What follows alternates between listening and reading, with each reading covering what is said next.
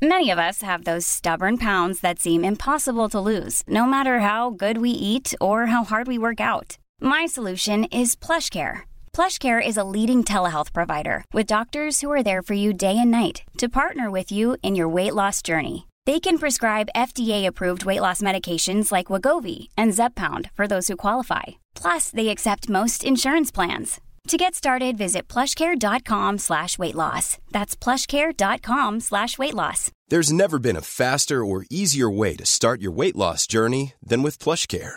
PlushCare accepts most insurance plans and gives you online access to board-certified physicians who can prescribe FDA-approved weight loss medications like Wigovi and Zepbound for those who qualify. Take charge of your health and speak with a board-certified physician about a weight loss plan that's right for you. Get started today at plushcare.com slash weight loss. That's plushcare.com slash weight loss. plushcare.com slash weight loss. Hey, it's Ryan Reynolds, and I'm here with Keith, co-star of my upcoming film, If, only in theaters May 17th. Do you want to tell people the big news? All right, I'll do it. Sign up now and you'll get unlimited for $15 a month in six months of Paramount Plus Essential Plan on us. Mintmobile.com slash switch. Upfront payment of $45 equivalent to $15 per month. Unlimited over 40 gigabytes per month. Face lower speeds. Videos at 480p. Active Mint customers by 531.24 get six months of Paramount Plus Essential Plan. Auto renews after six months. Offer ends May 31st, 2024. Separate Paramount Plus registration required. Terms and conditions apply if rated PG. Hiring for your small business? If you're not looking for professionals on LinkedIn, you're looking in the wrong place. That's like looking for your car keys in a fish tank. LinkedIn helps you hire professionals you can't find anywhere else, even those who aren't actively searching for a new job but might be open to the perfect role. In a given month, over 70% of LinkedIn users don't even visit other leading job sites. So start looking in the right place. With LinkedIn, you can hire professionals like a professional. Post your free job on linkedin.com slash people today. I'm amazed how many people own stocks. They, they would not be able to tell you why they own it. They couldn't say in a minute or less why they own it. Actually, you really press them down and say, the reason I own this is the sucker is going up. There's enough cash in the financial system, and there's an infinite amount of cash at the Federal Reserve. An infinite amount Put of cash. that check in a money market mutual fund. Then we'll reinvest the earnings into foreign currency accounts with compounding interest, and it's gone. So they had to do something. All they had left was just to print money and start buying things. And that's what they did. Quick buck artists come and go with every bull market, but the steady players make it through the bear market. They say money can't buy happiness. Look at the fucking smile on my face. Hej och välkommen till ett nytt avsnitt av Market Makers. Hur är läget med dig Fabiano? Jo, det är ju toppen bra. Ännu en vecka, ännu en börskrasch. Eh, rött i portföljen. Är det det för dig också Niklas? Lite så. Jag tror att veckan är typ plus minus noll faktiskt, eh, om, om jag ska vara helt ärlig.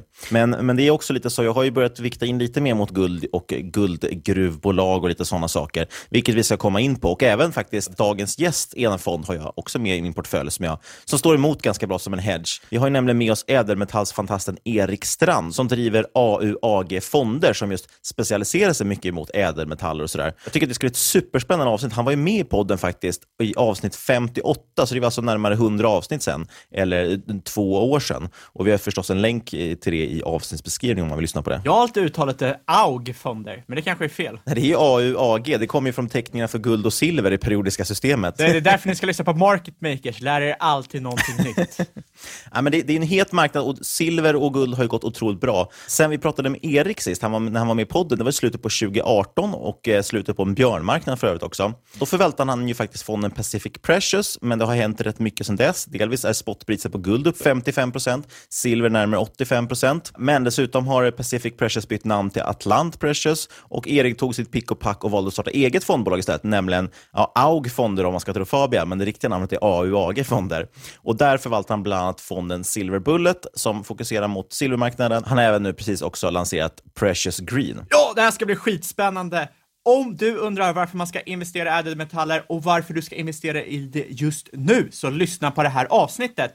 Med det sagt, ingen rådgivning eller rekommendation sker i den här podden. Vi berättar bara om vår process och hur vi tänker. Gör alltid din egen analys och glöm aldrig att investeringar är förknippade med risk.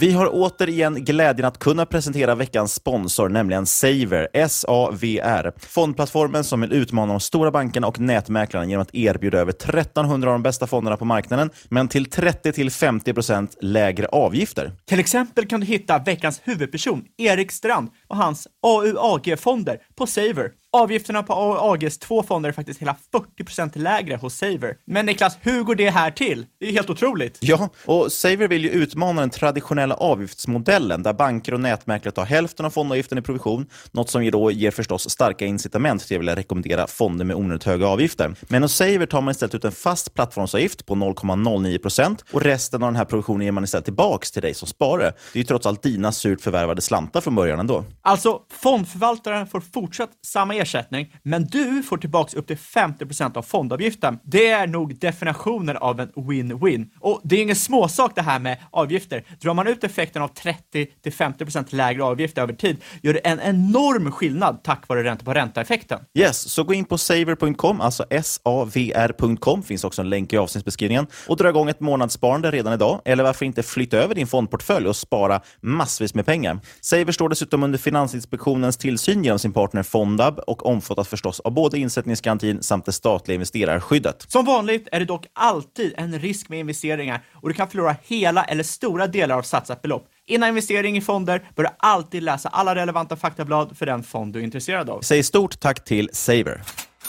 Då säger vi välkommen tillbaks till Market Makers Erik Strand. Hur leker livet för dig? Jo då, det leker bara bra ska jag säga. Sen är det klart man får lite, äh, sätter saker i halsen när äh, kurserna går upp och ner, men äh, så är det. Jag tänker för de som inte lyssnade på vårt förra avsnitt med dig, eller om man bara kanske vill ha en, man kanske vill ha en snabb recap också vem du är. Vem är Erik Strand? Jag är ju en förvaltare som har länge, jobbat länge i finansbranschen i början som rådgivare och verkligen suttit med investerarna nära och eh, det gör att kanske man har byggt upp eh, de fonder man har idag utifrån investerarnas perspektiv. Så att det inte är inga beställda fonder från några storbanker så att säga utan allting är gjort för att vara optimalt för investerarna och i slutändan då blir bra för oss som jobbar med fonderna också om eh, det funkar bra där ute. Så att eh, det var den biten. Startat flera fonder, skapat fonderna och sen också förvaltat fonderna. Så sen håller jag på med annat vid sidan om men, eh, och det har vi pratat om vid olika tillfällen. Tävlat mycket i fäktning och även idag då håller på med yoga fast det är en, ingen lätt yoga utan en väldigt tuff fysisk yoga så att eh, mycket träning på att vara lugn när det är tufft.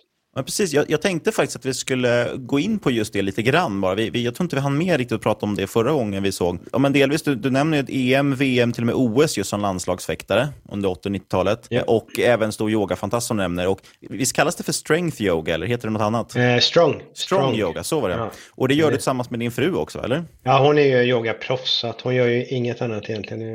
Jag är, jag är i och för sig lite instruktör också, en, en kväll i veckan, men eh, jag är ändå på en viss hobbynivå. Kan man dra några sådana paralleller mellan de här äh, atletiska intressena och investeringar? Eller framförallt kanske vad de har lärt dig? Ja, alltså som från tävlandet till fäktningen så handlar det ju verkligen om att äh, ja, vilja vinna och äh, lära sig att förlora. Det är ju så när man, även om man är elitidrottare, så förlorar man mer än man vinner. Att hela tiden ställa sig upp igen och vilja gå med i nästa tävling. Sen, sen kan ju tävlandet bli lite för mycket. Det är ju ett mynt med två sidor att man är aldrig riktigt nöjd man kommer ju en bra bit på det men eh, som sagt det, det, är inte bra att aldrig vara nöjd heller. Även om man så att. Så att, eh, det, tävlandet det har ju varit eh, en bra instinkt. Sen eh, yogan att vara, vara lugn när det är tufft som vi tränar på. Det, det är väldigt, väldigt intressant. Så att eh, just för, för förvaltare skulle jag säga för att eh, det är när det är tufft som det är jobbigt i branschen och då, att vara lugn då är väldigt viktigt. Ja, och jag kan ju tänka mig att det har krävts att vara lugn de senaste två åren. Vi träffade dig i slutet på 2018 och det har ju minst sagt hänt väldigt mycket sedan dess. Eh, ja, du har ju suttit väldigt bra positionerad för det. Skulle du vilja berätta lite i dina egna ord vad som har hänt sedan slutet på 2018? Ja, förutom att jag då startade mitt egna varumärke som är ju en otroligt fantastisk, eller en fantastiskt otroligt glad och rolig resa att få, få göra detta och eh, Fonderna kom ju igång i slutet av 2019. Bullmarknaden för ädelmetaller kom väl igång på riktigt sommaren eh, 2019, lite före fonderna då. Men eh, jag är ju väl investerad privat så att det var inte så att det var dåligt för mig att eh, det började före fonderna. Sen kom ju fonderna igång Fick en bra start, särskilt i december, eller ja, december var bra. Rullade på lite och sen så kom ju corona och covid och det, det var inte så kul. Då gick det ju ner snabbt ordentligt. Eh, men just då var jag ute ännu mer och pratade om caset. För det är det som är intressant tycker jag, att prata om caset och egentligen inte prata så mycket om avkastningen.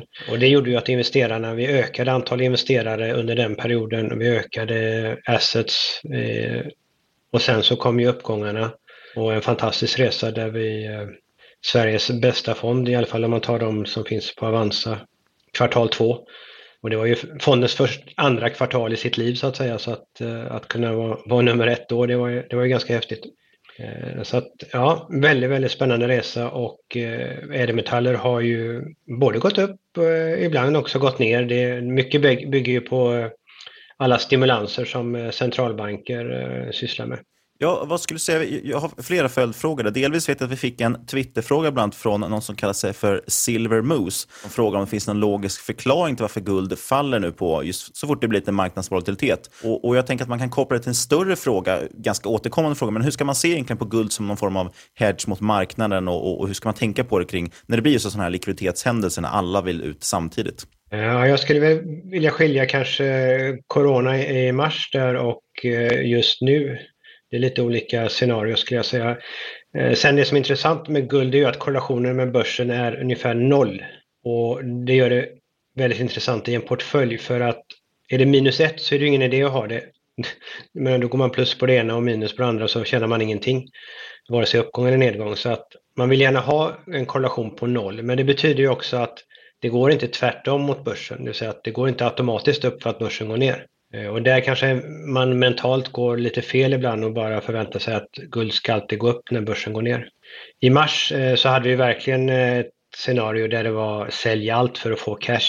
Och många större investerare satt ju med belånade portföljer, aktieportföljer som gick ner väldigt mycket. Man ville inte sälja där utan man sålde andra tillgångar så att säga för att täcka margin calls. Så där var det ju mycket av den anledningen. Det vi ser nu Ibland är det så att commercial storbanker eh, gillar att få igång rörelser, alltså att eh, de tar chansen när man såg att eh, börsen blev lite, vanliga börsen blev lite svag, dollarn gick upp, guld närmar sig sina 200 dagars snitt eller 50 dagars snitt och så, så lägger man ut stora säljordrar, går kort. Och så får, spokar man lite de vanliga investerarna som då börjar sälja och sen köper de tillbaka sina positioner eh, efter ett tag så att, eh, och gör sig en liten hacka på det. Så att eh, det ser jag mer som en, eh, ett sätt för dem att kortsiktigt eh, tjäna pengar på, på börsen eller på, på guldmarknaden och kanske egentligen inte särskilt har så mycket egentligen med marknaden att göra.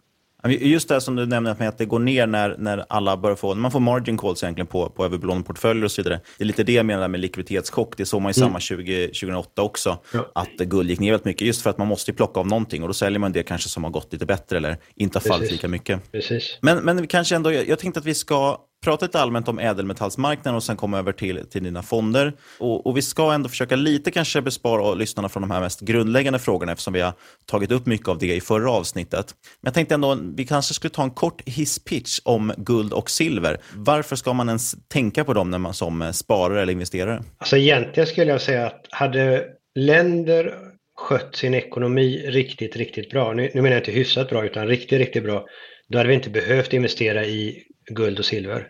Problemet är att eh, de förstör våra valutor och våra valutor är ju egentligen vad våra pengar är värda. Eh, och det kan man då benämna en monetär inflation. Och det kan man se över alla stora imperier över flera tusen år. Men man kan också se det bara på en kort period som eh, när euron infördes 1999, 20 år eller 21 år. Och mäter man euron i guld som en konstant så euron tappat 85 procent på 20 år.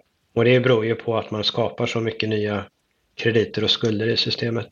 Så att det är second best, alltså om inte länderna sköter sig så investera i guld och silver. Ja, guld och silver har ju gått väldigt bra. Hur tror du det här kan fortsätta framöver? Alltså jag ser väl det som bara början. Eh, tittar vi så har vi ju i guld precis efter nio år eh, kommit upp i all time high och brutit det lite, fallit tillbaks lite nu men ofta när det är någonting bryter en all time high efter nio år så är det början på den, på den långa resan och, eh, och silver har inte ens, eh, inte ens halvvägs dit höll jag på att säga till all time high så att eh, det, det är mycket kvar. Hur är det, du nämner det här mycket med centralbanker och ja, inflation och penningmängd och sådär.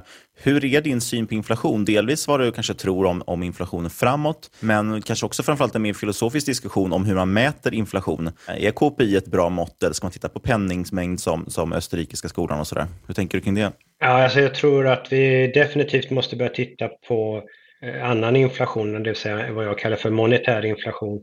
Eh, och eh, för prisinflation kommer vi inte se, det finns ju många saker. Det som mäter man ju väldigt lite, man mäter ju inte heller att börsen har gått upp och fastighetspriser har gått upp eller om guldpriser har gått upp, utan man mäter ju bara vissa saker och egentligen ganska konstigt ska jag säga. Sen eh, jag tror att vi både får en monetär inflation på grund av skapandet av eh, krediter, men jag tror också att vi kan se en vanlig, även en vanlig prisinflation, jag vet inte, jag skulle gissa 4-5 år kanske är där, där vi då ser att eh, de varor som har producerats längre och längre österut, eller egentligen började Europa producera i Estland, Lettland, Litauen eller Portugal och sen började man producera i eh, Ungern och sen i Mexiko där det var billigt att producera. Sen blev det ju Kina och eh, från Kina så har det ju då gått vidare kanske Indonesien och andra länder.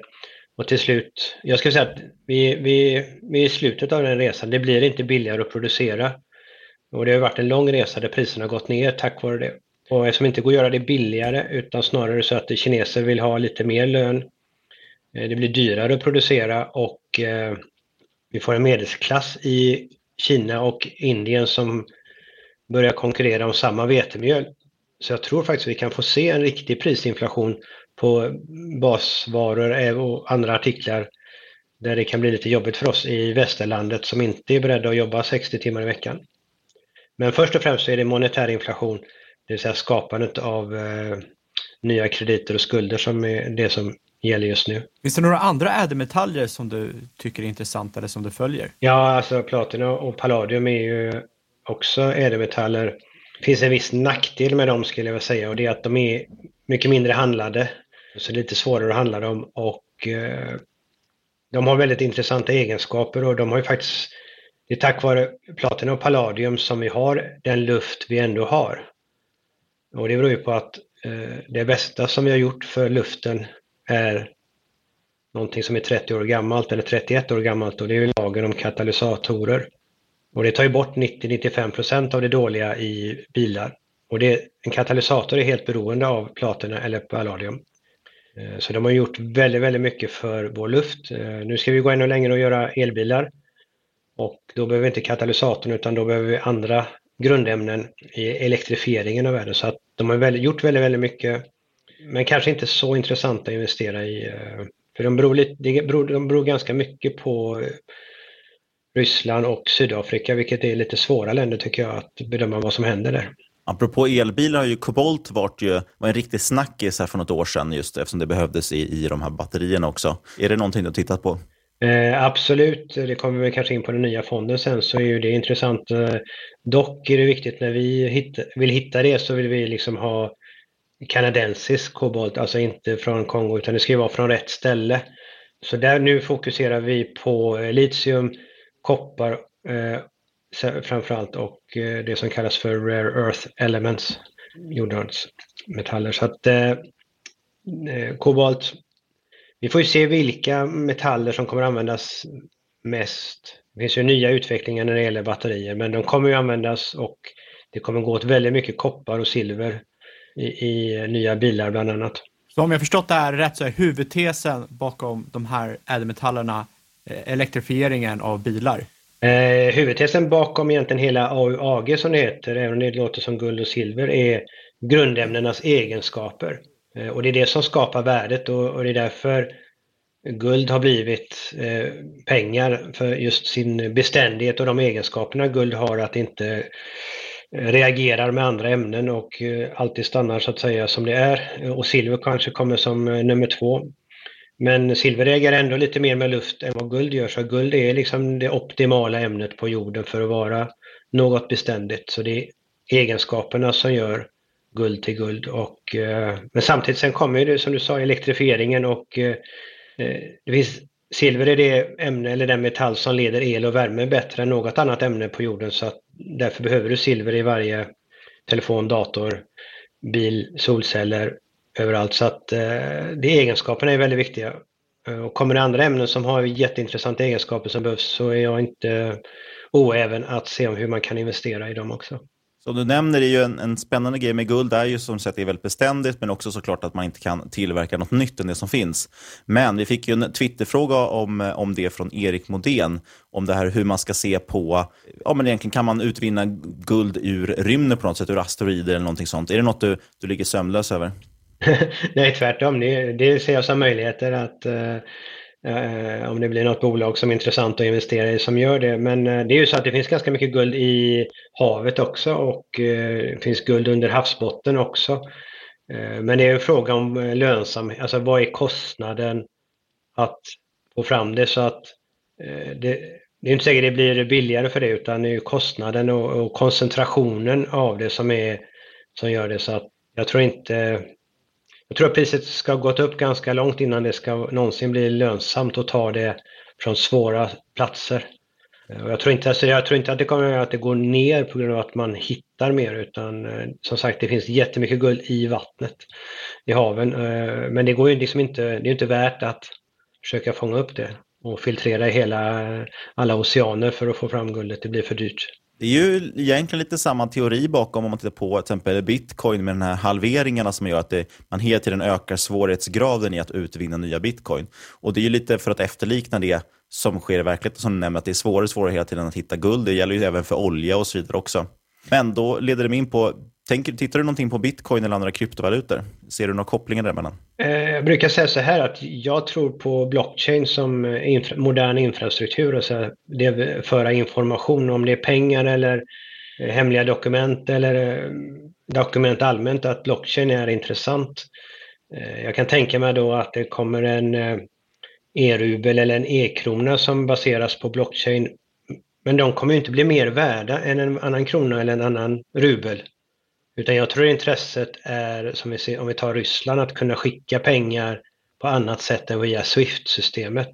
För problemet med Swift är ju att USA styr hela Swift och kan kontrollera världsekonomin genom det och det tror jag att eh, många stora länder vill eh, komma ifrån. Där blir ju blockchain och de överföringarna väldigt intressanta. Men, och att man kanske kan ta betalt för att göra överföringarna på säkert sätt och snabbt sätt. Men jag ser ingen värde i en valuta eh, på någon för att jag menar, det finns ju redan, jag vet inte hur många det finns, om det är 1700 eller 2000 olika kryptosar. Och de har ju olika egenskaper också och, är snabbare, och de blir hela tiden snabbare och säkrare så jag, jag har svårt att se varför man skulle äga en gammal långsam variant, osäker variant när det har kommit bättre varianter. Om man nu vill äga det som, eh, som någon form av investering. Men så länge man hittar köpare så, så, tror jag på att, alltså, så länge du hittar någon som betalar mer så kan du ju få liksom någonting som går upp i värde, men jag ser inte värdet i det. Samtidigt kan man ju för sig dra samma argument just kring guld. Det är ju mycket smidigare att använda Swish, men ändå envisas man ju med att, att äga guld. För att som du säger, det har vissa kvaliteter och framförallt är ett erkänt liksom, värde i det. Ja, ja men, men eh, Swish är ju liksom sättet att för, transferera någonting. Guld är ju själva tillgången. Så att eh, där ser jag en ganska stor skillnad på vad som är en tillgång och vad som är någonting eh, att föra över. Sen när man har guld via en blockchain-teknik eh, och man själva så att säga gör transaktioner via blockchain via något som kallas någon form av coin så kan man absolut göra det. Men eh, jag tror inte värdet ligger i de olika kryptosarna som jag kallar dem. Om man backar bandet lite, Niklas ledde ju in lite bra där på miners och eh, jag tänkte nämligen fråga lite om gruvbolag. Det kallas ju ofta för att investera i ädelmetaller med hävstång och Goldminers ETF GDX är ju upp 35 procent i år, dubblas sedan du gästade oss 2018. Och eh, helt enkelt, hur går dina tankar kring gruvbolagen just nu? Alltså, just nu så tycker jag vi kortsiktigt är en väldigt intressant situation för att Q2 blev ju Eh, väldigt dåliga resultat om man tittar på det bara på siffror eftersom många hade ju stängt eh, gruvdriften på grund av corona. Priserna på guld och silver var inte så jättehöga i början på kvartalet och eh, mycket sker ju datastyrt med algoritmer som läser de här kvartalsresultaten och sen köper eller säljer bolagen på grund av vad de läser i, i de här raderna utan att tänka. Och tittar man på det intressanta med gruvorna är ju att det gruvorna är värda är ju det de har i marken. Och det är ju kvar, det försvann ju inte. Medan andra bolag som kanske producerar någonting, de blir ju av med den produktionen för forever. Det var liksom tid de förlorade, men här är ju allting kvar. Vilket jag tror att eh, kommer synas i Q3-resultaten där bolagen då är igång igen i princip alla och eh, kanske utvinner lite extra då eftersom man inte fick ut, tog upp så mycket i Q2. Och priserna har ju på råvarorna guld och silver har ju varit klart, klart mycket högre. Så att jag tror vi kan få riktigt fina Q3-rapporter och där tror jag kanske då att datorerna som reagerar blixtsnabbt kommer att, eh, oj, vad hände här? Och köpa alla bolagen. Så att, eh, ja, ja, ja, där, det, skulle jag verkligen tro att det kan hända något stort. Och där ser man ju att datorer inte alltid, liksom, de kan inte se se en helhet utan de bara reagerar på det som, som står i, i rapporterna. Det kan ju gå så fort med gruvbolagen också eftersom man har sån, sån ska man säga, operativ hävstång. Liksom. Men eh, finns det något favoritcase inom just gruvbolagssektorn som du har som våra lyssnare kan kolla in? Jag vet bland annat att vi fick en fråga på Twitter om Kirkland som är en, en bolag vi har tagit upp också tidigare på den. Eh, vi har ju en strategi som är ganska viktig och det är att först och främst måste vi ha en likvid handel i bolagen. Och vi vill helst att de handlas på amerikanska börsen, även om de har sitt säte. Det är som man, tittar man på fonden på, på en plattform så ser man att det ser ut som alla bolag är kanadensiska. Och de är kanadensiska, men vi handlar dem inte på den kanadensiska börsen om vi kan handla dem på den amerikanska börsen för att den är mer likvid. Och likviditet i en fond, eh, för, för en fond är väldigt viktigt eftersom man måste kunna köpa och sälja sina innehav. Och det gör ju också att de får inte vara för små. Så det är nummer ett för oss. Sen nummer två är ju vad vi tycker är viktigt, vilken jurisdiktion de verkar. Och det är ytterligare en sak, alltså sätet i Kanada, handelsplatsen i USA, men de kanske då utvinner i eh, Mexiko säger vi. Och det gillar vi med säkra jurisdiktioner gillar vi. Eh, och där har vi ganska lätt just att vi fokuserar på silver, att 60% utvinns i Nord och Sydamerika och inte så mycket i Afrika. Sydafrika var ju stort på guld men men allmänt, vi, vi är mer fokus på silver och det är inte Afrika och inte så mycket svåra länder. Så jurisdiktioner är viktigt. För man vill inte ha in eh, en binär risk i en fond, det vill säga att helt plötsligt så är det förstatligat. Det såg vi också här i somras i Afrika. Och sen är det som sagt, eh, vi tittar ju på procenten silver. För gruvorna får inte fram bara guld eller bara silver utan det är alltid en mix. Eh, och då är vi intresserade av att det är så hög andel silver som möjligt och då är kanske 60 procent får man anse som en hög andel silver. Eh, och då, ja, de två största som vi har i, Silver Bullet är ju First Majestic och Pan American Silver. Det är ju de två stora fokuserade silver miners. Sen kan man ju veta att det är inte de största i världen att producera silver utan det är ofta stora kopparbolag som eh, får upp silver som en biprodukt. Och I och med att de när de tar upp sin koppar och får upp silver så är det klart att de tar hand om den och, och, och säljer den vidare. Eh, men det är också ganska intressant att får vi en brist på silver så har de inget intresse av att öka sin produktion för att få fram mer silver. För det kan de liksom inte, då måste de ta fram mer koppar för att få fram mer silver.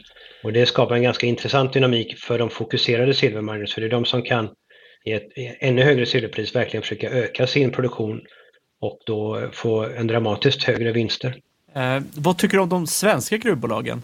Är det någonting du kikar på? Eh, Alltså de, antingen har vi, vi har ju ett som är väldigt stort, som, eh, men det har inte det fokuset mot, mot silver som vi vill se. Och, eh, tittar vi i vår nya fond så är det ju lite andra saker där, men det har inte kommit in, inte för att på något sätt att det är dåligt. Eh, och Sverige är ett väldigt intressant land. Eh, Sverige anses ju bra när det gäller att kunna driva ett bolag. Att vi har väldigt tydliga regler och lagar och, och, och en bra jurisdiktion som vi var inne på förut. Det är safety. Det gillar ju eh, bolag. Eh, däremot är det svårt att få tillstånd i Sverige. Det krånglar väldigt ofta. Eh, och det är lite synd för att vi har ju väldigt intressanta ämnen i Sverige att utvinna. Särskilt om vi nu tittar på något som vi har tagit med i vår nya fond, så då som är Rare Earth Elements, REE, och det är ju ämnen som verkligen behövs och det finns bara ett bolag i Västeuropa som får fram det här i några volymer och i Australien. De andra är kinesiska. Och det där är ett problem för det är jätteviktiga ämnen och blir det ett fortsatt handelskrig i USA och Kina så, eh, så har man ett problem där och eh, Sverige, eller hela Europa vill ju bli oberoende och ta fram saker för den nya gröna Europa. Och då har ju Sverige ganska stora möjligheter, men det är ett problem på tillståndssidan i Sverige. Men inte på driftsidan skulle jag säga. Så att det kan bli jätteintressant om det händer lite i Sverige. Om vi, sitter, om vi är med och, och hjälper till att göra Europa grönt så, så får vi börja gräva. Och man ska inte glömma det att eh, idag när man gör något som på engelska heter reclamation, alltså när man återställer en gruva, så syns det i princip inte att det har varit en gruva där efteråt om man gör det på rätt sätt, utan eh, det planteras träd och eh, efter det så är oftast vägar, vatten och el framdraget så att man kan eh, bygga en, en by eller stad med hjälp av den infrastruktur som redan finns där på ett kostnadseffektivt sätt. Så att vi har kommit väldigt långt när det gäller moderniseringen av eh, drift och vi kan aldrig glömma att vi kan inte göra en grön värld utan de här grön ämnena.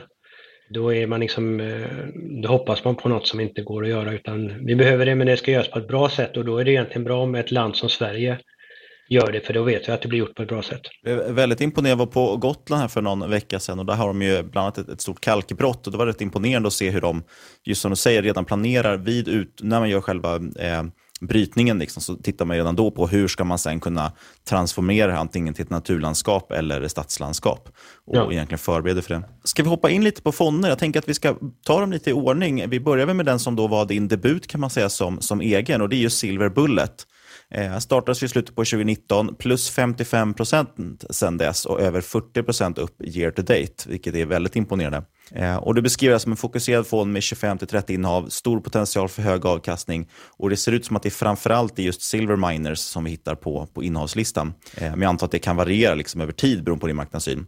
Hur skulle du beskriva strategin i den här fonden? Eh, ja, eller jag kan väl backa det vad du sa, att eh, syn kommer inte att ändra sig utan vi, vi, vi fonden kommer köra eh, fokuserade silver miners så att vi, vi har strukturerat det för att vara eh, aktivt strukturerad men ganska passiv i sina eh, positioner. Vilket också skapar en klar tydlighet att investerarna vet vad de köper och eh, en investerare som inte tror på caset säljer fonden och eh, så det är ingen aktivitet i att vi ska ta bett på marknaden utan vi ska välja eh, skapa en riskspridning genom att ha de här 25-30 bolagen, eh, kategorisera dem enligt eh, det som heter en UCITS-fond som är den säkraste sorten av fonder i, i Europa. Att eh, vi har kategori 1-innehav som vi har en target på 8% Sen har vi ett antal eh, kategori 2-bolag på 4% och sen har vi då några på 2% Och egentligen är det så att bolagen eh, kan flytta mellan kategorierna. Eh, men det är ganska sällan vi, vi kommer att... Och något kan ju åka ner och något kan åka upp. Och ibland är det som så att vi ser en utökad M&A, alltså merger, alltså köp av eh, bolag, för det är svårt att hitta. Det tar lång tid att eh, starta något nytt, nya fyndigheter. Så att, eh, och de här bolagen har inte belånat sig som de andra branscherna där man har lånat väldigt mycket. Men det är också väldigt intressant just det att bolagen var lite fat and happy 2011 när guld hade all time high Eh, och tog på sig mycket kostnader. Sen har det varit en bear market länge och då har bolagen fått sanera och var led, alltså ägarna har varit ganska hårda. Eh, så de är, på engelska säger man lean and mean, och vilket är väldigt, väldigt bra för bolag. Eh, och egentligen i andra aktiebranscher så har det gått åt andra hållet. De har lånat mer och mer pengar och gjort aktieåterköp och egentligen försämrat styrkan i bolagen. Så att här är det omvänt och man ser mycket M&A och det kan ju liksom i fonden hända att ett av våra bolag som vi tycker om blir uppköpt och då blir vi lite ledsna. Vi blir glada att vi får en premie på, på kursen. Eh, det hjälper säkert fondens performance. Eh, men samtidigt så försvinner ju då ett bolag som vi kanske har tyckt om. Eh, och då plockar vi upp något från en undre kategori för att ersätta det bolaget. Och, så har vi några så att säga påläggskalvar som ska växa in sig också. Så att inte någon trading på det sättet utan vi vill att investerarna ska veta vi, vi är 98-99% investerade hela tiden. Det är väldigt intressant för, för vi var inne på det tidigare med att många lite, lite felaktigt ser guld ibland som en hedge och jag kan ändå tänka mig att en del kanske tror att även en silverfond ska vara någon form av hedge. Men du kallar ju själv Silver Bullet för Sveriges kanske mest riskfyllda fond och det har väl att göra med just karaktären att man är inne i mycket eh, gruvbolag som är, har väldigt kraftiga cykler egentligen. Eh, vilket är också så att du nämnde i någon, i någon intervju här att när den kommer gå bra då kommer den gå upp 500-600% men den kommer också kunna gå ner 80% i perioder. Och då låter det som att det här är någonting man ska vara ganska aktiv i som andelsägare äger. alltså att själv välja när vill jag exponera mig mot den här marknaden och inte. Eh, tolkar jag det rätt? Eh, absolut, sen tror jag att vi har en ganska lång cykel så jag tror inte man behöver vara jätteaktiv utan eh, innan vi ser silver eh, toppa ut och, eh, så tror jag, alltså vi pratar minst fem år och kanske tio år. Och sen kan vi vara i en bubbla för silver säger vi, att det har gått upp för mycket. Och då är vårt syfte att ha två fonder till. Nu har vi en fond till och sen kommer kanske en tredje fond då där eh, våra investerare eventuellt backar in i de fonderna lite som känns lite in, på, på temat fast lite säkrare, lägre risk eh, med samma avgiftsstruktur så att vi, vi spelar ingen roll för oss var investerarna är. Eh, för vi helst ser vi inte att eh, alla bara lämnar eh, våra fonder helt och hållet, eh, även om det händer också. Men, eh, så det, det finns en strategi långsiktigt där, men jag tror att vi har ganska många år på oss innan vi eh, ser en topp där. Är man väldigt, väldigt aktiv som investerare så klart, då kan man ju vara inne tre månader, vara ute en månad och vara inne tre månader, vara ute två månader. Det, det går ju att göra det. Men eh, det, jag tror det är risk att man, miss, man missar tåget om man, om man gör så. Jag. Jag, tänker mer över just till exempel en tioårsperiod. Ja, Medan ja. många skulle säga att i en, jag vet inte, en, en aktiefond till exempel tycker folk att nej, men det ska ja. ju bara ligga i, i all evighet så att säga. Ja. Eh, Medan här kanske ändå finns ett behov av att, att eh, fundera på hur mycket exponering man ska ha i olika perioder. Mm. Sen är det ju som sagt eh, mest riskfyllda fond är ju att vi är en riskklass 7 plus eh, i den, enligt den definitionen. Sen är risk någonting annat än riskklass egentligen, eller för riskklass bygger på volatilitet. Och svänger det en uppåtresa så är inte det så farligt egentligen utan det gäller bara lite nerver när det svänger neråt emellanåt.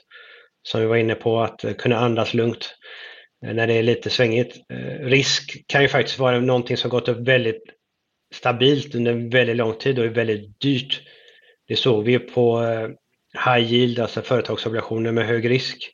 Som hade, en del fonder var ju nere i riskklass 2 för att det hade gått så, hade så stabil kurva uppåt och sen så försvann, jag vet inte hur många års avkastning som försvann på två veckor. Så då hade man ju egentligen en, det var en inte så rolig riskklassificering att sätta en tvåa eller trea på en sån. Och det var ganska bra i corona att vi har gått ut med riskklass 7. Investerarna var, ja, ingen var ju glad när det går ner. Men det var inte så att någon inte visste att det är risk riskklass 7. Just det här kring risk i portföljen leder oss in på Precious Green, eran rykande färska fond, släpptes ju nu i början på september. Det här tycker jag är extremt intressant. Du beskriver det som en modern 60-40-portfölj. Och vi kan ju bara kort kanske för, för lyssnarna, vill du berätta vad en 60-40-portfölj är? Så att alltså, har ja, ja, men genom all tid, eh, höll jag på att säga, i, i modern eh, investeringsteorier så har man kommit fram till alltså en mix med 60% aktier, 40% räntor. Eh, ger en stabil portfölj över tid. Ehm, och det har ju varit liksom en standard. Då. Eh, men eh, som sagt, vi ser ju här att vi har gjort en remake, gjort om det här till något, lite, något som passar våran era lite bättre. Och tagit fasta på två vad vi kallar för megatrender. Och den ena megatrenden är just elektrifieringen eller en grön värld. Och den andra megatrenden som vi tyvärr befinner oss i är ju skapandet av eh, pengar, krediter och skulder. Så att det, vi, man får två megatrender på en gång. Och då har vi 60% i eh, aktier på den gröna sidan. Och de är uppdelade i fyra olika delstrategier. Och det handlar om allt att skapa grön energi, om det nu är solenergi.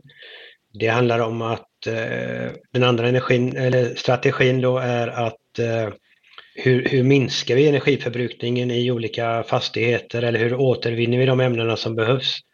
Eller hushåller helt allmänt med energi för att minska förbrukningen?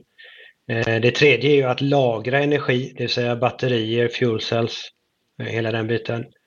Och eh, det fjärde är de ämnena som behövs för grön energi. Så att den väger lite mer. Den, den har alla de här 20 eller 60 procenten är 20 bolag à 3 procent likaviktade bolag. Så att, eh, och själva råvarudelen väger 18 procent, eh, så lite mer än de andra.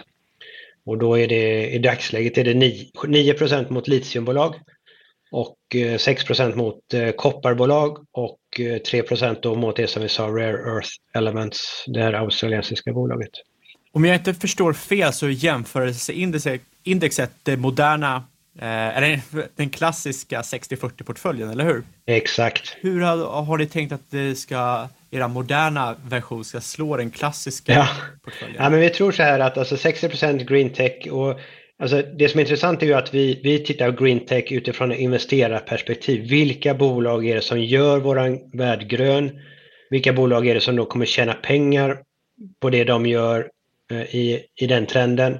Eh, inte på de bolag som är, är duktiga och sköter sig. Alltså eh, nästan, eh, om jag ser alla så, så, här, så kallade sustainability hållbarhetsfonder så köper de massa bolag som har bra hållbarhetsbetyg och det kan vara Deutsche Telekom som jag brukar säga. De har högsta rating och så fyller du fonden med sådana bolag. Och så får du jättemycket glober. Eh, och det är jättebra att de sköter sig. Men de förändrar ju inte världen och jag undrar faktiskt om det är det investerarna som investerar pengar på den gröna trenden vill ha. Eh, så vi tar ett annat take och vi står för det, vilket gör det väldigt intressant. Och jag tror att tittar man på de bolagen och GreenTech så kommer det ge mer avkastning än 60% globala aktier med många gamla företag eh, med gamla så att säga affärsmodeller. Så det, där tror jag att eh, vi absolut kommer slå det. Lite, kanske lite mer volatilt men vi har ändå fyra delstrategier inom området. Och tittar vi på den försikt eller liksom skyddssidan då så är guld ett bra skydd med sin låga korrelation till börsen. Och samtidigt så är guld intressant att det kan ge positiv avkastning även när börsen går bra. Och jag tror ju obligationssidan, för nu pratar vi ju, ska du ha bra skydd så ska du ha statsobligationer och de ger ju minusränta och det kommer dröja många år innan de kan ge någon form av avkastning. Eh, så jag, jag tror att vi ska klara av det där ganska bra. Sen spelar, det är ju en jämförelseindex för att just visa om vi, vi är bättre portfölj än den portföljen. Det, det ger ju oss inga fördelar så att säga i fonden eftersom vi har en fast förvaltningsavgift och det är ingen rörlig avgift mot något, eh, något index så att säga som inte är relevant. Jag tycker sagt grundfilosofin är otroligt intressant. 60-40-portföljen är ju klassisk som vi var inne på. Men problemet är ju lite att den här kudden som räntan gett förut, det är tveksamt om den fortfarande finns kvar eftersom som du säger, de, de har ju negativa räntor idag och, och blir då extremt liksom, ja, men högt värderade egentligen. Ja, och sen har det blivit då att eh, de har köpt obligationer, allt som har haft namnet obligationer i, eller obligationer i namnet har fungerat som obligationer men företagsobligationer och high yield obligationer är ju inte det där skyddet utan de har ju, kan ge bra avkastning över tid men korrelationen med börsen är ju uppe på 0,8. Så det är ju inget skydd, det är inte den här kudden som man är ute efter. Så att, eh, och det har man väl sett att alla ränteförvaltare för att kunna ha någon avkastning så har de ju gått långt ut på riskskalan för att få det där och det funkar ju så länge det funkar. Ja, det funkade ju inte så bra i våras när man, man fick frysa uttagen i många av de här räntefonderna. Precis. Eh, och idag får du ju ha Riksbanken som ligger på, på köpsidan och köper företagsobligationerna för att hålla likviditet. Hade vi haft en riktig marknadsekonomi så hade det ju sett riktigt mörkt ut där och, och det hade ju varit bra egentligen för då hade man fått riktiga värderingar så att eh, det blir intressant för nya köpare att köpa på rätt värderingar. Men nu är det som det är. Man, man eh, trycker pengar och köper obligationer för att hålla systemet under armarna. Hur, vad, vad, vad ser du för avkastning kontra risken i Precious Green? För jag tänker att lock, lockningen med den klassiska 60-40-portföljen är att man ska få eh, en, en stabil avkastning samtidigt som man har en lägre risk, man, eh, eh, både mätt till volatilitet och maximal drawdown.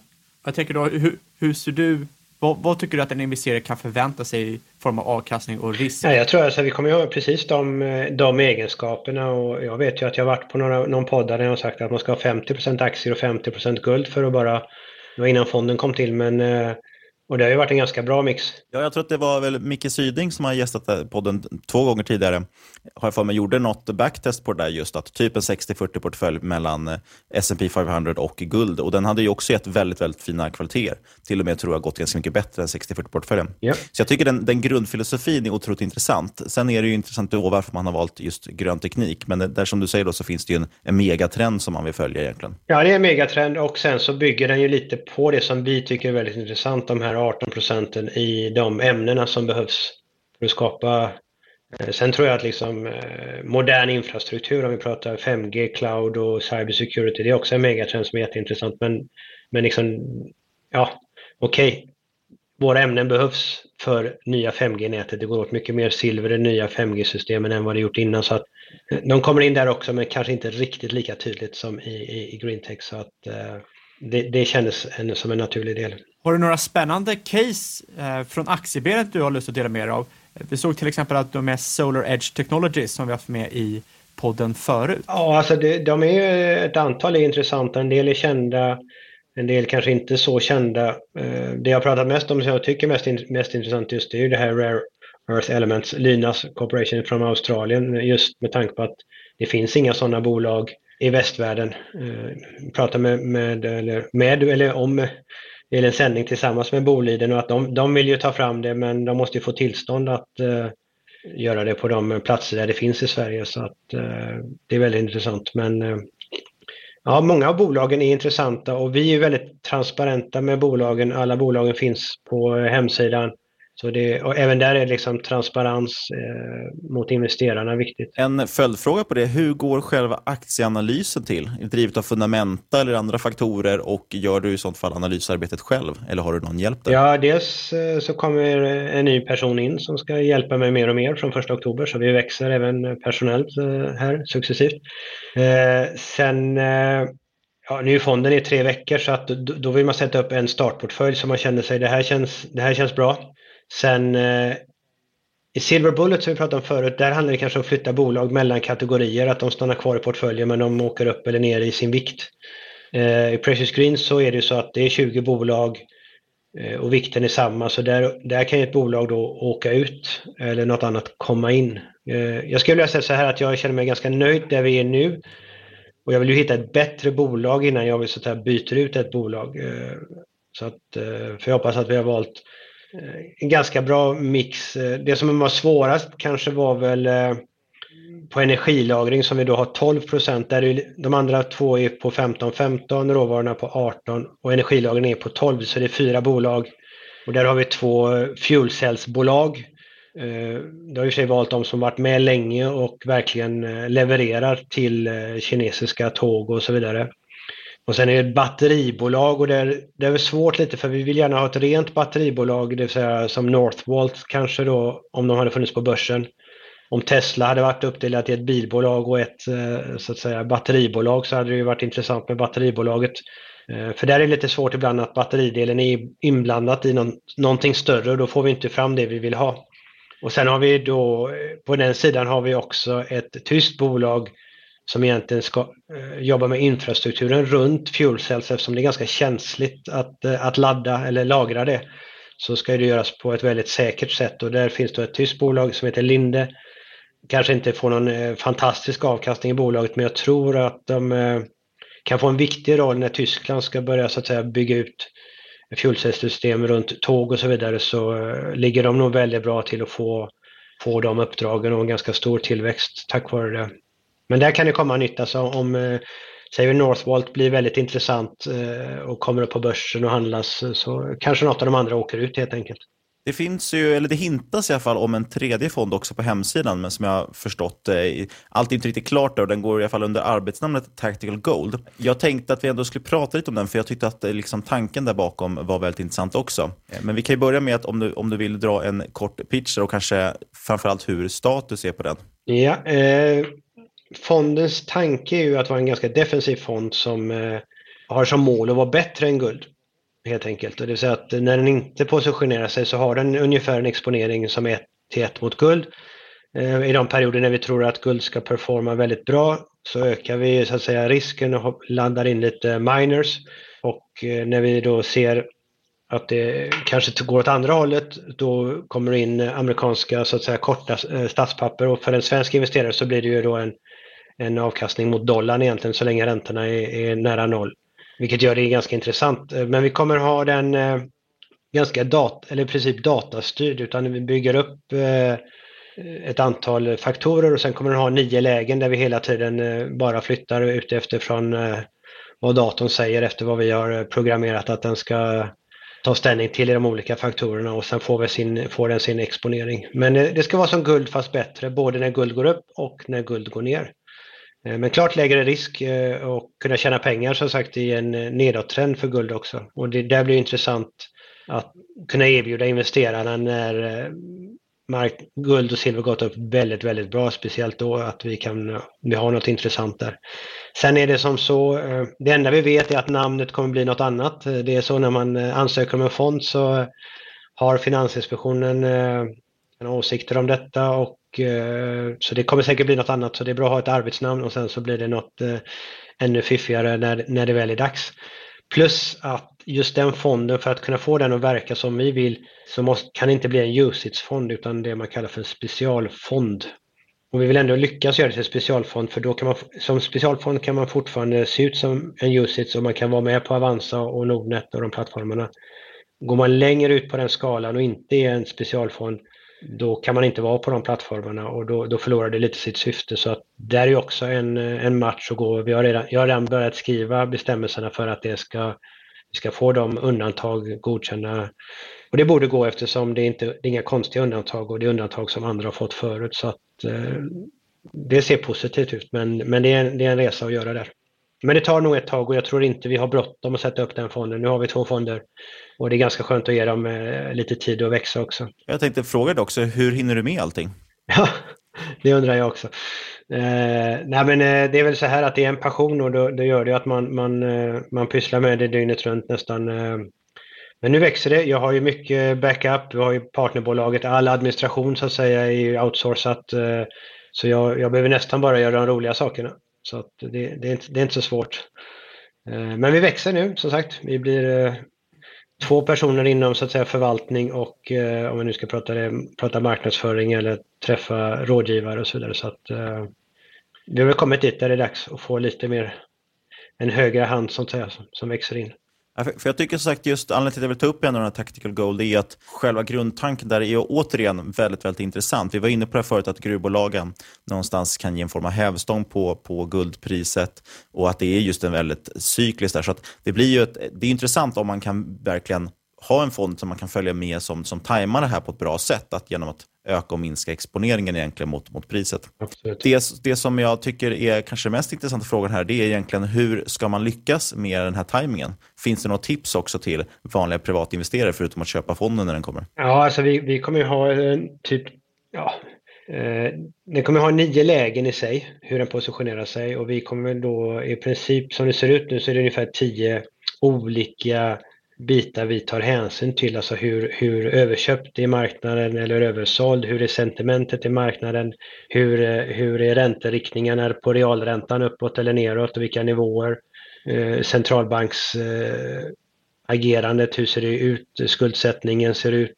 Eh, så det kommer att vara ett antal olika parametrar som eh, då hela tiden eh, kokas in i systemet och som spottar ut svaret att vara överexponerad eller underexponerad. Alltså vi har ju haft väldigt viktigt att bevaka COMEX, alltså positioneringarna mellan commercials och retails, när de är liksom väldigt positiva eller när de är mindre positiva. Så att, eh, ja, vi har, vi har ett ganska, en ganska bra spelplan där och eh, fondbestämmelserna som sagt är mer än halvskrivna ska jag säga. De viktiga delarna har jag redan, nu har de pausat lite men jag gjorde dem i somras. Eh, nu har pausat med den nya fonden kom igång här på Precious Screen men det växer fram och De här nio exponeringslägena, det är ju egentligen alltså nio stycken olika blandningar av de här tre ja. tillgångsslagen gissar på. Mm. Precis. Så det, det, är alltså ett intressant alternativ för de som vill ha en långsiktig exponering mot guld, men som också vill att det ska vara lite aktiv handel där för att få högre avkastning. Frågar jag, eller då är min fråga, hur, hur passar den här fonden in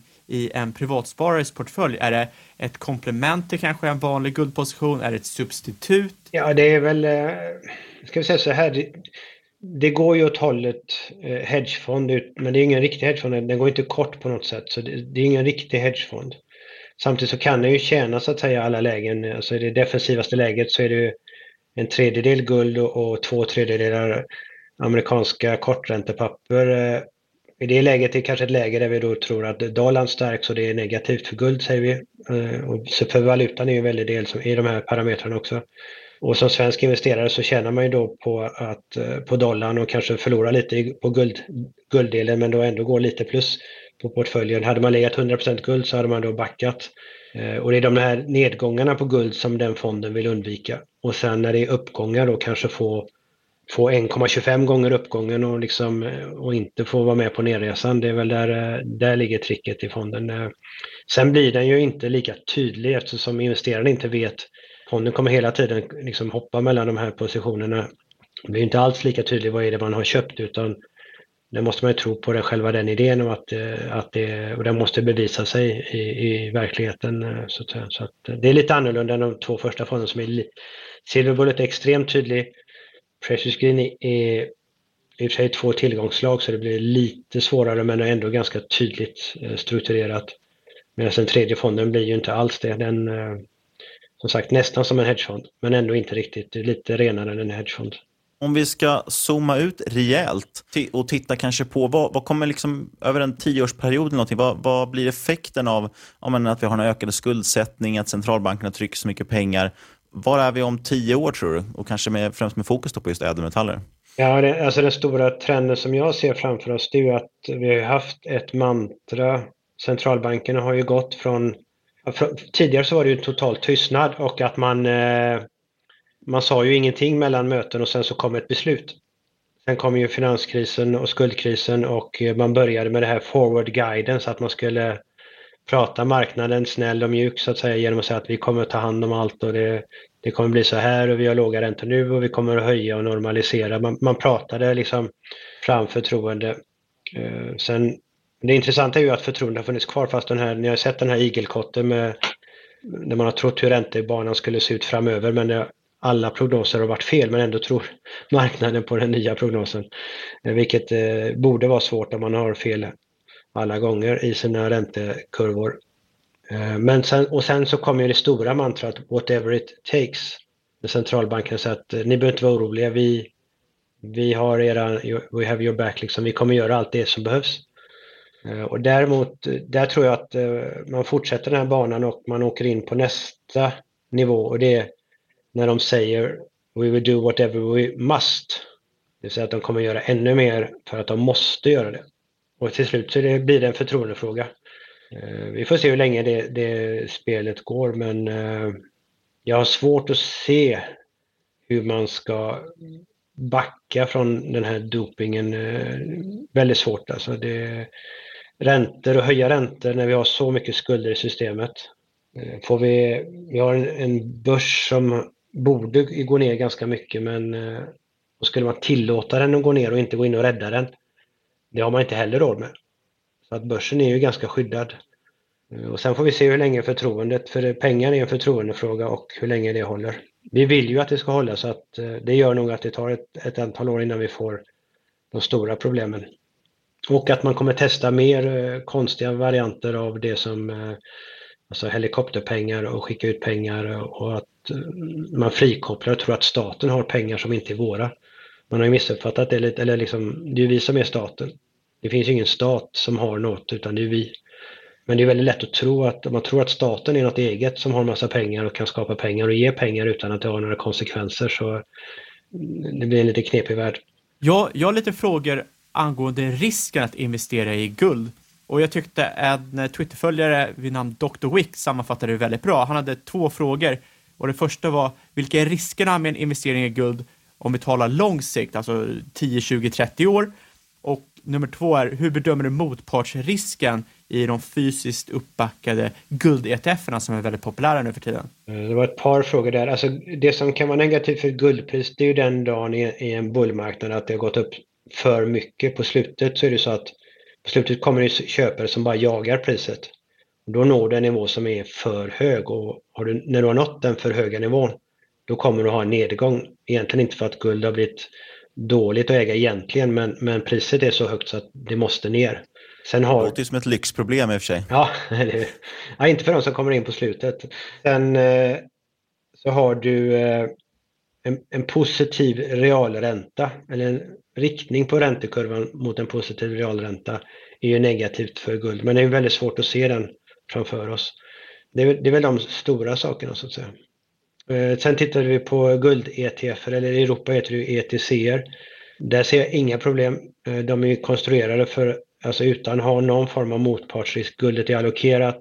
De här Special Purpose Vehicle där de är, finns, där guldet finns, är inte kopplade till de som är utställare utan allt är skyddat som förvaringsinstitut för fonder är. Det är som vår, våra tillgångar ligger hos förvaringsinstitutet i fonderna hos SE-banken men ingår inte heller i SE-bankens tillgångar om SE-banken skulle gå omkull utan det är helt skyddat eh, och ingen kommer åt tillgångarna i fonderna. Och på samma sätt är det där.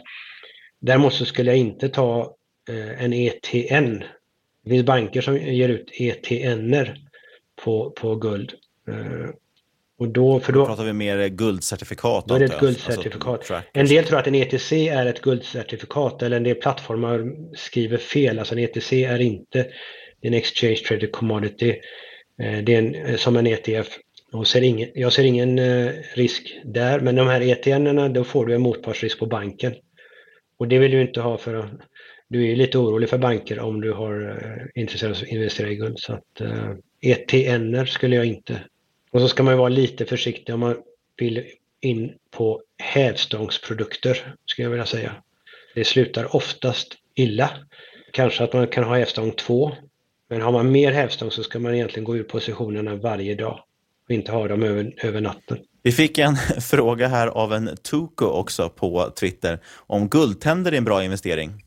Ja. Och sen en lite allvarlig fråga också. Vilket sätt ska man investera i guld på om man är ny så att säga på det? Om man är en vanlig privat investerare liksom? Jag tror att guldtänder är bra. I alla fall om man har bytt ut sina amalgamtänder som jag har gjort. Det är så att det är väldigt skön känsla att ha en guldlagning, eh, mycket mjukare än andra lagningar, eh, håller bättre. Plus att guld är bakteriedödande som silver.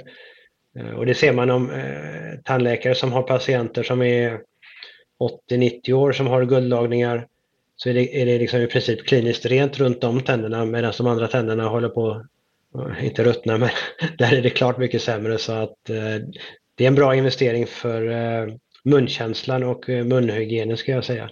Sen om det är en investering för, eh, för pengar, det är mer tveksamt kanske. Det är ju oftast är det ju 18 karat är 75% guld och sen är det lite silver och lite andra av metallerna i en guldlagning. Och hur ska man tänka kring, som, som nybörjare egentligen i den här sfären, man kanske har hållit på med lite fonder och hållit på med lite aktier och så börjar man liksom titta på guld, mot guld för första gången, eller ädelmetaller och råvaror.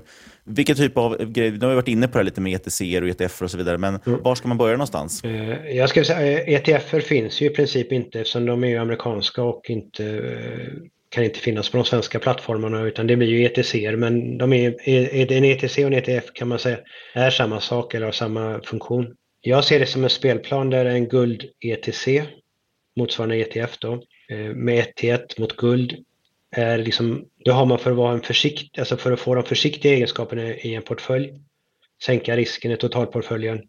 Eh, då använder man ädelmetaller för det syftet eh, kortsiktigt att ha, ha nytta av den i svår, svåra problemperioder. Eh, men är man intresserad av ädelmetaller och caset för att få avkastning, då är ju inte en guld-ETF eh, eller ETC det intressantaste utan då blir ju en silvervariant intressantare och eh, gruvbolagen på eh, metallerna ännu intressantare, alltså guldgruvbolag och silvergruvbolag.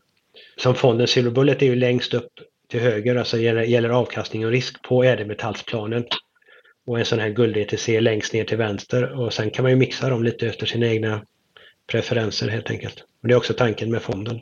Sen har vi också en fråga från Ström och Ström och han undrar vad du tycker om eh, staters guldreserver och om du anser att staten borde öka sina guldreserver ytterligare? Ja, man tittar ju eh, så, som guld i sina valutareserver. Sverige har väl legat på en 12-13 procent av sin valutareserv i guld.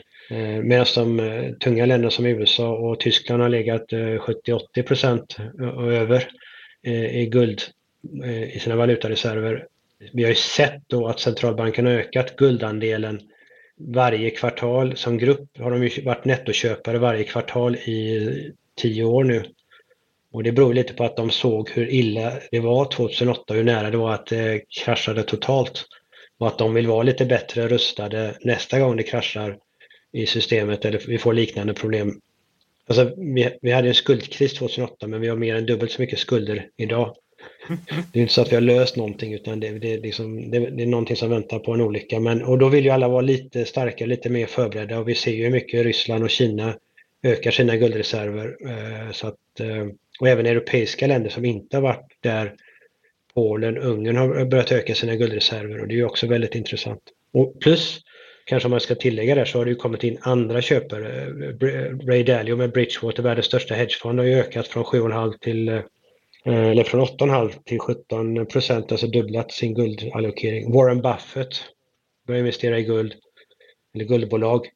En del Ohio State eller pension funds för deras, jag tror det var brandkår och polis eller något sånt som börjar ska allokera 5% mot guld. Och börjar några sådana allokera så blir det väldigt intressant eh, just med flöden från stor aktie och räntemarknaden har gått upp väldigt mycket. Det finns mycket pengar som kanske söker sig till råvaror och då ädelmetaller som guld och silver vilket, eh, som är underägda vilket skapar en väldig potential då för prisuppgångar för de som är tidiga. Om man tittar på de här geopolitiska grejerna som du nämner och, och allmänt liksom, alla effekter egentligen som blir av, av skuldsättning och, och, och den penningpolitik vi för. Vad oroar du dig mest för? Jag tänker det finns ju mycket orosmoln. Till exempel att vi har just tillgångsinflation som skapar klyftor som kanske då leder till civil unrest, så att säga, som vi har sett i, i USA mycket. Eh, men man kan också titta på vad, vad ska man göra med de här skulderna? Ska vi skriva av hela statsskulden eller skicka ut helikopterpengar och så vidare? Vad, vad är du mest orolig för? Ja, alltså först ska man nog säga att eh det som har varit positivt med skuldsättning det är ju att vi har kommit väldigt mycket längre fram i teknik, mycket snabbare än vad vi hade gjort utan. Vi hade inte haft en iPhone idag, den hade kommit om 5-7 år kanske. Inte ens den första iPhonen. Så att, eh, om man tycker om eh, telefoner och sånt så man, kan man vara lite glad för den stora kreditbubblan för det, det, har gjort att allting går väldigt, väldigt mycket fortare. Kanske inte de årtalen stämmer där riktigt men, men i alla fall, ni förstår bilden att det, det har gått väldigt mycket fortare tack vare den kreditgivningen. Sen tror jag att man har missat att eh, titta på lån som är bra lån och vad som är mindre bra lån. Det vill säga att är det lån till att bygga en fastighet eller bygga vägar så är det ganska bra lån. Eller företag som skapar arbetstillfällen, det är bra lån. Lån som bara är för att köpa hus till dyrare pris på hus som redan finns, det gör, ger ju ingenting i princip. Och, och, lån som bara är till någon onödig konsumtion ger inte heller väldigt mycket utan Eh, och där tror jag att det varit intressant att se hur, hur, hur, stor, hur stora är de olika delarna och hur har de eh, liksom spreadarna på de sortens lånen gått isär över historien. Det hade jag gärna sett en sån, eh, om någon kunde göra det. En sån uppdelning. För de lånen som vi ser nu, i, som i USA, är ju bolagen nu mer skuldsatta än någonsin. Alltså man har lånat gratis, gjort aktieåterköp, alltså minskat antal aktier som är ute och då går aktiepriserna upp och ledningarna sitter med optioner på aktiepriset, tjänar massa pengar. Men bolaget är mycket sämre rustat för dåliga tider. Liksom det, det är en medicin för liksom att, att asking for trouble, alltså att göra detta. Eh, så det är ingen bra lån, lån alltså återigen ett dåligt lån som jag säger. Är det lånar ett företag för att eh, liksom expandera, bygga en ny fabrik eller nya saker, då är det bra lån. Så att, sen tror jag inte på eh, skuldavskrivningar. Det, det är ju lätt att tycka det skulle vara skönt tror jag inte fungerar för att eh, då går ju alla på andra sidan i konkurs. Det klarar inte systemet av så att det låter skönt men, men det funkar inte. Eh, helikopterpengar, ja vi provar ju det nu. Eh, det kommer ju checkar från USA. Vi har ju haft olika varianter i Sverige där man redan gör det kan man säga att eh, till och med rutavdraget är ju egentligen lite variant på det. Alla tycker det är skönt och man kan se positiva effekter men eller rut och rot skulle jag vilja säga. Men, men tittar man på det att om, om alla ansökte om exakt samma belopp, vad är effekten då? Det är våra pengar till, till varandra. Så att nu är det bra för någon som använder det för att jag inte använder det. Men egentligen så är det ju bara våra pengar som går runt och som sagt skulle vi alla använda exakt samma belopp så har det ju ingen re, re, riktig funktion. Och sen eh, har vi, man har ju testat det i Finland, det funkar inte. Man ska testa det i Tyskland nu har jag sett också med, eh, med, med medborgarlön. Eh, jag tror att man kommer försöka de här sakerna för att liksom hitta något sätt. Eh, men problemet är som vi sa här att eh, kommer in på den, blir det politiska frågor av det. Då börjar, kan man börja bli lite orolig faktiskt. När, när det blir, går åt det hållet att det blir politik och att vi ser Liberalerna så att säga. Man har tillåtit, som i Japan, att centralbanken trycker pengar och köper börsen. Alltså inte bara obligationer och företagsobligationer utan de har ju gått rakt av och köpt börs, japanska börsen med tryckta pengar och, och investerare tycker det är skönt för då går börsen upp. Men egentligen är det ett förstatligande av, av börsen. Man, man, konkurrerar ut de som jobbar för att spara pengar för att köpa börsen med nytryckta pengar från staten. Eh, där borde ju liberaltänkande människor stå upp och säga att det där är inte okej. Okay. Men nu har vi liksom inte sagt det utan vi, vi tycker det är skönt. Eh, och det kommer ju skapa problem.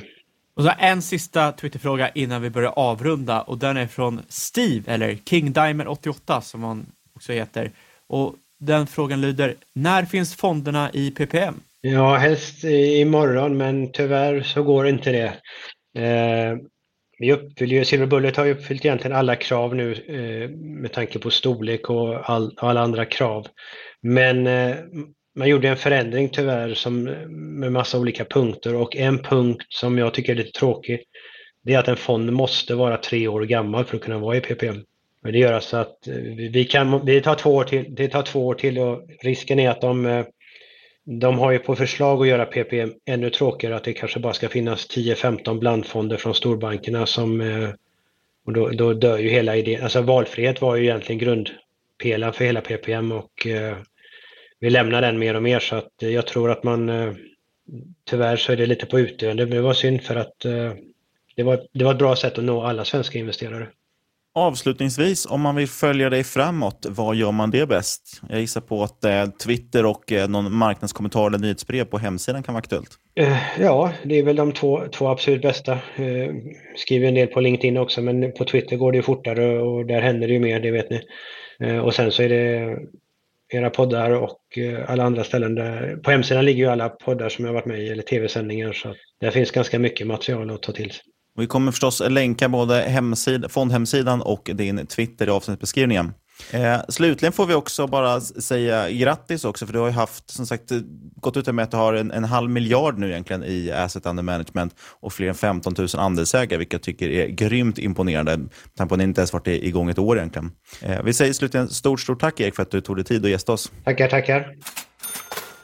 Superspännande intervju med Erik. Det var väldigt, väldigt roligt faktiskt att få en uppdatering om den här glödheta ädelmetallsmarknaden. Men kom ihåg, kära vänner, inget du hört i den här podcasten ska ses som rådgivning. Alla åsikter i vår egna eller vår gäst och eventuella sponsorer tar inget ansvar för det som sägs i podden. Tänk också på att alla investeringar är förknippade med risk och sker under eget ansvar. Kontakta oss jättegärna på podcast marketmakers.se eller på Twitter at marketmakerspod. Glöm inte att lämna en recension på iTunes också. Det är inte så många som gör det, men vi blir väldigt glada när vi ser ser en liten ny stjärna komma upp där. Ja, men precis. Och det hjälper oss att eh, lyftas fram på iTunes, få mer lyssnare och därmed kunna bjuda in bättre gäster, göra bättre material och så vidare. Och du, är du sugen på att investera kanske i någon av Eriks fonder, så varför inte göra det hos vår sponsor Saver, S-A-V-R, där du får 40% rabatt på avgiften som sagt. Mer om det på saver.com. Och sist, men absolut, absolut inte minst. Nej, det, det är nog nästan det största. Exakt, jag håller med.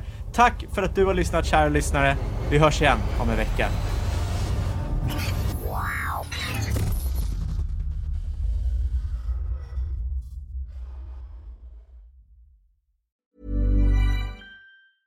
Hey, I'm Ryan Reynolds. Recently, I asked Mint Mobile's legal team if big wireless companies are allowed to raise prices due to inflation. They said yes. And then when I asked if raising prices technically violates those onerous two year contracts, they said, What the f are you talking about, you insane Hollywood ass? So to recap, we're cutting the price of Mint Unlimited from $30 a month to just $15 a month. Give it a try at mintmobile.com slash switch. $45 up front for three months plus taxes and fees. Promo for new customers for limited time. Unlimited more than 40 gigabytes per month. Slows. Full terms at mintmobile.com. Millions of people have lost weight with personalized plans from Noom. Like Evan, who can't stand salads and still lost 50 pounds. Salads generally for most people are the easy button, right? For me, that wasn't an option. I never really was a salad guy. That's just not who I am. But Noom worked for me. Get your personalized plan today at Noom.com. Real Noom user compensated to provide their story.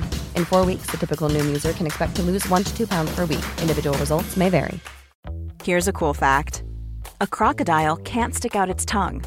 Another cool fact you can get short term health insurance for a month or just under a year in some states. United Healthcare short term insurance plans are designed for people who are between jobs, coming off their parents' plan, or turning a side hustle into a full time gig. Underwritten by Golden Rule Insurance Company, they offer flexible, budget friendly coverage with access to a nationwide network of doctors and hospitals. Get more cool facts about United Healthcare short term plans at uh1.com. I'm Sandra, and I'm just the professional your small business was looking for. But you didn't hire me because you didn't use LinkedIn jobs. LinkedIn has professionals you can't find anywhere else, including those who aren't actively looking for a new job but might be open to the perfect role, like me. In a given month, over 70% of LinkedIn users don't visit other leading job sites. So if you're not looking on LinkedIn, you'll miss out on great candidates like Sandra. Start hiring professionals like a professional. Post your free job on linkedin.com/people today.